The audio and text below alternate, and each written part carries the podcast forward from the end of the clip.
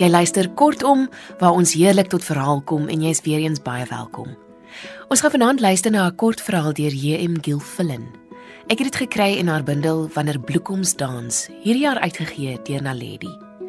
Die hooftema van hierdie bundel is die broosheid van verhoudings en die wyse waarop mense reageer op die vreugde en verdriet wat deel is van die lewe. Daniel van der Walt gaan die verhaal Girlie vir ons voorlees. Geniet dit.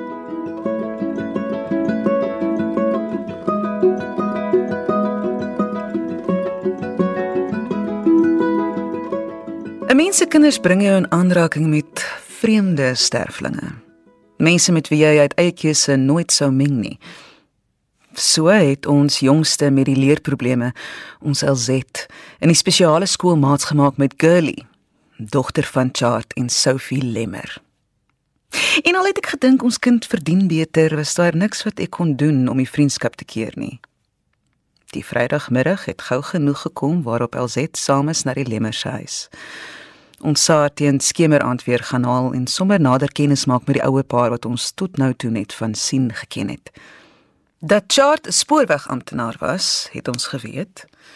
Ook dat hy vroegtydig geboorte is weens swak gesondheid. En natuurlik het dit nie aan ons verbygegaan dat Melvin in 'n ander kategorie val as Morningside, die voorstad waar ons gebly het nie. Veral ek opgelei as binneshuisargitek met my eie baie eksklusiewe onderneming. Ek die ergste verwag. Dis was ek verbaas toe ons indraai by 'n dig begroeide skaduryke tuin. Heel anders as die jaard wat ek my voorgestel het. Die jaard met 'n motorwrak op blokke, gefrustreerde hond aan 'n ketting en 'n paar kapokkies wat rondskop in die stof. Nee, In hierdie private klein oerwoud het orgidee in die mikke van bome gegroei om 'n gordyn van blomme na onder te laat sak. Mosbegroeide paadjies het in verskillende rigtings vertak en rondom 'n visdam met tuinkabouters, sewe van hulle lê in dit. Groot skoenlappers het van blom tot blom gesweef en die lug was versadig met die gedreun van bye. Soveel kon ek waarneem voor Chart ons na die huis toe aangekeer het met sy arm om my inkennige man se skouers. Binne het dit min of meer gelyk soos ek verwag het.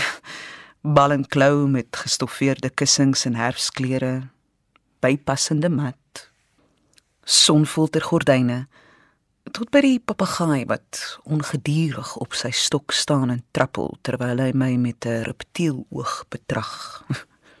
maar dit was koel cool in die huis. En so groen vir die vensters dat 'n mens heeltemal kon vergeet dat jy in 'n stad is. Sophie of Soph het nader gekom om ons te verwelkom en dit het my weer opgeval hoe dik sy is en hoe moeisaam sy beweeg op haar swaar bene, rooi gevlek van ekseem. Skamerig het sy tee aangebied, maar Chart het ander planne gehad. Die bouing is vergeet al oor Souf. Wat die mense soek is 'n stywe dop. Hulle ry wragtig nie die hele end van Morningside af net vir 'n koppie tee nie. Of hoe sê ek ou swarie? Die laaste gerig aan my effens oorblifte man wat besig was om 'n versameling kanondoppe op die kaggelrak met gefeinste belangstelling te bekyk. Die bottelklip drif was klaar oop en Sophie is weer die huis in om terug te kom met 'n skinkbord vol versnapperings. Al gesels en het ek uitgevind dat sy die tuinier is, darm met hulp, want haar bene wil nie meer nie. Sy sê met die planne, val chart van die oorkant af en as dit nie 'n fontein is wat sy wil insit nie, is dit 'n rots wat aangery moet word of 'n pergola wat ek moet swys. En gedurig bou sy nuwe paadjies. Daar is nie plek genoeg vir haar paadjies om heen te gaan nie. Voordat dit donker word, het ek gevra, moet sy tog die tuin vir my wys, maar sy wou nie lus nie, dit kon ek aflei. Die pyn in haar bene is vandag besonder straf. Het sy verskoning gemaak en beloof om my 'n ander keer alles te laat sien. Natuurlik het Girlie met die tyd ook by ons kom kuier. Soms die hele naweek gebly.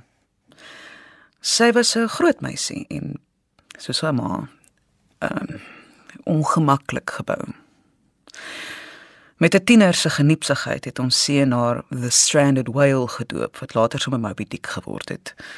Maar as 'n mens verby haar gespierde skouers kom kyk, verby haar bakarms en skyfelstappie, as 'n mens kon konsentreer op haar gesig, was girlie mooi. Sy het natuurlike krulle gehad wat donsig en swart so steenkool om haar gesig gevou het. 'n Sterk kontras met haar besonder wit vel. Haar volmond was rosig en sy sou kon deurgaan vir Madonna as sy slim genoeg sou wees om meer te glimlag en minder te praat. As gas was sy maklik, met goeie maniere. Net haar eerste besoek het sy gewaarsku: "Tannie moenie van my verwag om in die huis te help nie. Maar as daar fout kom met die karre, sal ek dit fix. As die oom olie wil aftap of sy tappets gestel wil hê, moet hy net praat. En tannie se kar sal ek sommer gratis en verniet was, want ek like van karre. Tannie weet mos, ek gaan leer vir mechanic as ek klaar is met skool." Dit kon ek my maklik voorstel. Want selfs by ons het sy graag haar blou oorpak gedra, kompleet met 'n ry spinners in die bosak. Ek en my man het vermoed dat Girlie wel dat sy gay is. Wat ons effens gerus gestel het, was die oortuiging dat die kind dit self nie weet nie. Haar bewonderende belangstelling het gelukkig veel eerder op my gefokus as op LZ. Ook haar ouers het duidelik geen benul van ons vermoede gehad nie. Soms het ek gedink dit sou vir iets aanvoel, maar Chad sou die blote gedagte nooit tot nie. Girlie was hulle enigste kind. Sy was hulle hoop op 'n nageslag. Vir haar onthaalwe het Chart gesorg dat hulle vrykamer bewoon is deur die een jong man na die ander maar hierdie hierders het gekom en gegaan sonder om enige belangstelling in Gertie te toon. Mr. Wright sal wel opdaag het Chart getroos. Maar vir ou Swari het hy gefluister dat elke meisiekind 'n raklewe het en dat hy nie handjies gevou gaan sit en wag tot die vervaldatum aanbreek nie. Nee. O, magtig. Intussen het ons kinders se laaste skooljaar ten einde geloop Ons plan was om LZ in te skryf as leerling by 'n kappersalon. Girlie sou na die tegnikon toe gaan, nie om 'n werktuigkundige te word nie. Oor my dooie liggaam, het Chart gesê. Maar om 'n kursus in hotelwese te volg. Dit het nie gelyk asof sy erg lei onder die verydeling van haar droom nie. My pa sê al die ryk Amerikaners klok in by Durban se Royal Hotel en dit is waar hy vir my 'n job gaan kry. Nie net vir die tipsie maar ook om 'n man te vang. En op my afdae kan ek nog altyd karre tune, so ek is min geplan. Om LZ daarom 'n kykie in die wye wêreld te gee, is ons daardie Desember maand weg op 'n uitgebreide vakansie in Europa. As ek heeltemal eerlik moet wees, moet ek erken dat ek gehoop het die vriendskap met Curly sou doodloop na so 'n lang afwesigheid. En veral nou dat hulle skool daar verby was. Ek was dus nie besonder ingenome toe LZ vir Girlie bel kwaliek 5 minute nadat ons terug by die huis was nie. Girlie staan op trou, het LZ uit asem vertel, twee rooi kolle op haar wange. Die materiaal vir die rok is gekoop. Oom Chat bou 'n badkamer aan sodat die paartjie voorlopig by hulle in die huis kan bly. Ons is genooi na die onthaal wat in Melvin se kerk sal gaan wees. Vir die honeymoon het oom Chat vir hulle plek bespreek op die blou trein. Hy het nog sy contacts. Stadig nou, keer ek. Begin met die begin. Met wie gaan Girlie trou? Hieraan het Elzet nie gedink nie. En Girlie het ook nie gesê nie. Onmiddellik bel sy weer my vermaaning om nie oorlas te wees nie ten spyt. Oor die volgende dae ontvou die verhaal so stuk stuk. Pietman is die naam van die aanstaande bruidegom. En nee, Girlie het nie gesê wat sy van is nie. Oom Chat ken hom lankal. Hulle vang saam vis. Sy dink Pietman werk op die spoorweë, maar sy's nie seker nie. Waarom hy haas, wil ek weet. Maar Elzet het geen antwoord nie.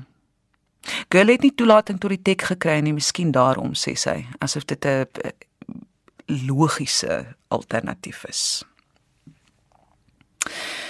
Na 'n lang afwesigheid uit my onderneming is ek ineens ontsettend besig en daar gaan dae om dat ek alsait skaars sien.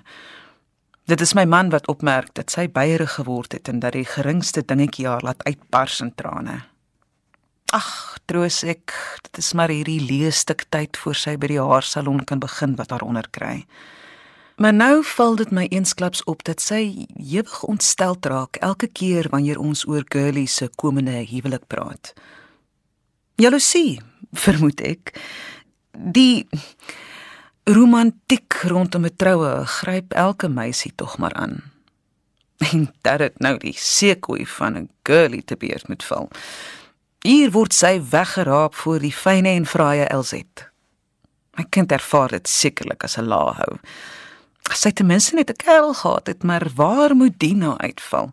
My man se studente is te gevorderd vir haar en haar medeskoliere is daarom baie mm, ordinêr om die minste te sê. In hierdie tyd bel Sophie. Of ek en Elzet nie wil oorkom nie. Sy het my raad nodig met die trourok. Sy maak dit self, maar soos ek weet, het Girlie 'n moeilike figuur. Vir sy finaal die nate toestuk het sy kindersoog nodig. As sy kan sien om opinie te gee. Ek is mos 'n ontwerper. Al is dit nou van interieurs. By die tuinhek wag Girlie vir ons in haar blou oorpak. Maar vandag sonder enige spanners in die sakke. Vir my lyk sy niks skraler nie. Al spog sy dat sy sedert die verloving 5 kg afgeskit het. Elzet wil dadelik die ring sien, maar Girlie sê nee, Hulle het met 'n yskas verloof geraak. Baie beter as om 'n klomp geld op 'n stukkie glas te blaas, praat sy haar pa agterna. Neem ons na Sophie se naaldwerkkamertjie. My agting vir die stil vrou met die boomstambene styg. Want uit 'n skrap stuk goeie lap het sy 'n elegante en eenvoudige rok gemaak wat nog plek plek met rykstiek aan mekaar sit. Chart voel dat dit darm baie plain is. Girlie is maar eenmal jonk, maar ek wil die kind nie optooi soos 'n Kersboom nie. Terwyl ons tee drink, kry Girlie opdrag om die rok in haar kamer te gaan aantrek sodat ek kan sien hoe dit lyk.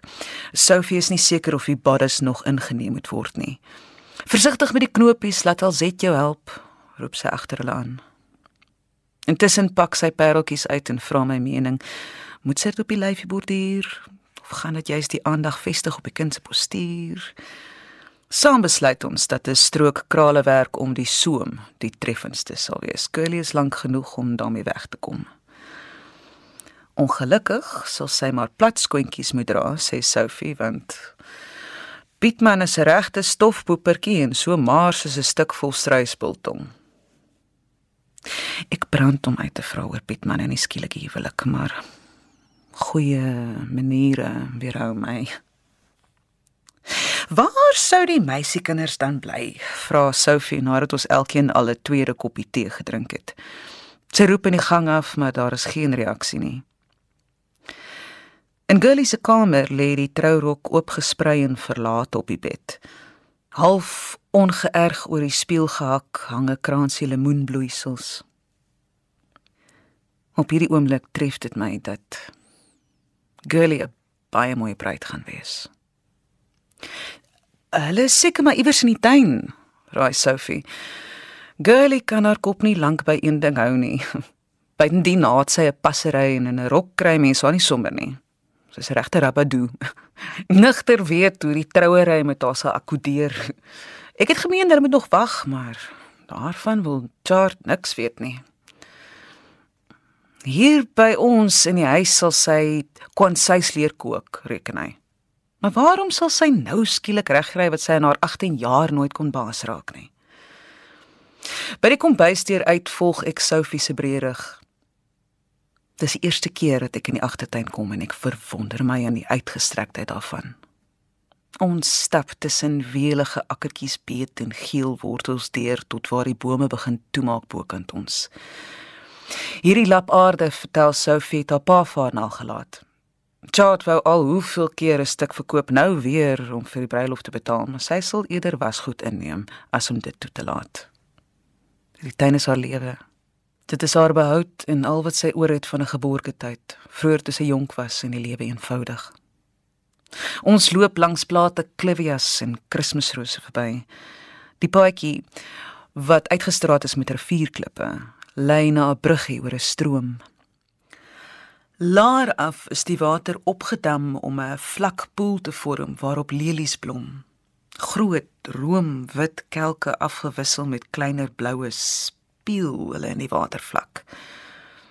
Dat hierdie oor die tuiste is van allerlei voëls, hoor ek aan die gesnater en die geklapper van vlerke.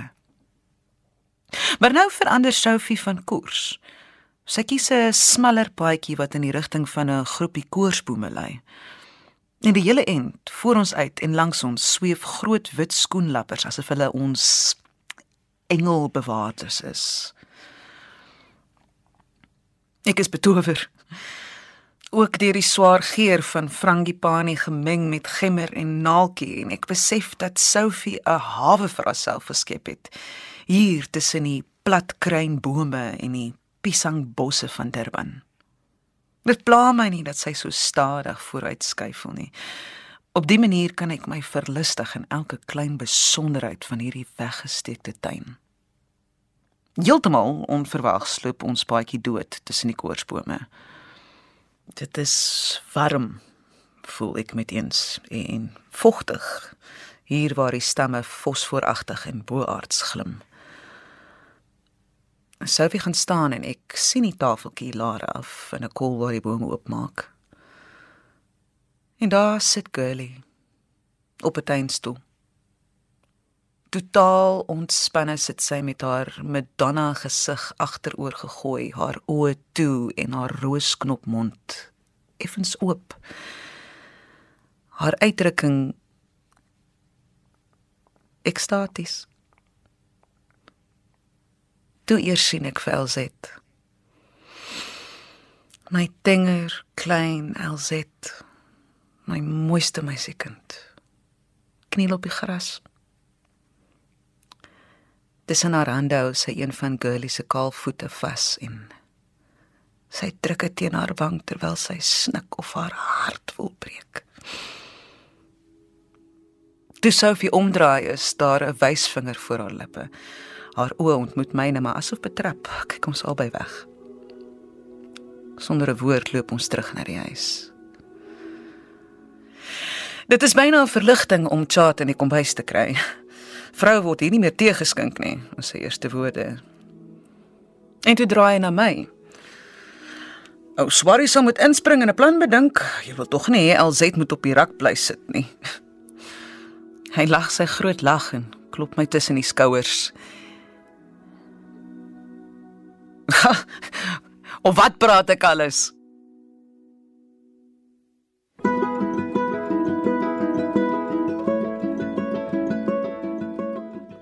Dit was dan Girlie deur J.M. Gilfillan, soos voorgeles deur Daniel van der Walt. 'n Heerlike aand vir jou. Tot volgende keer. Totsiens.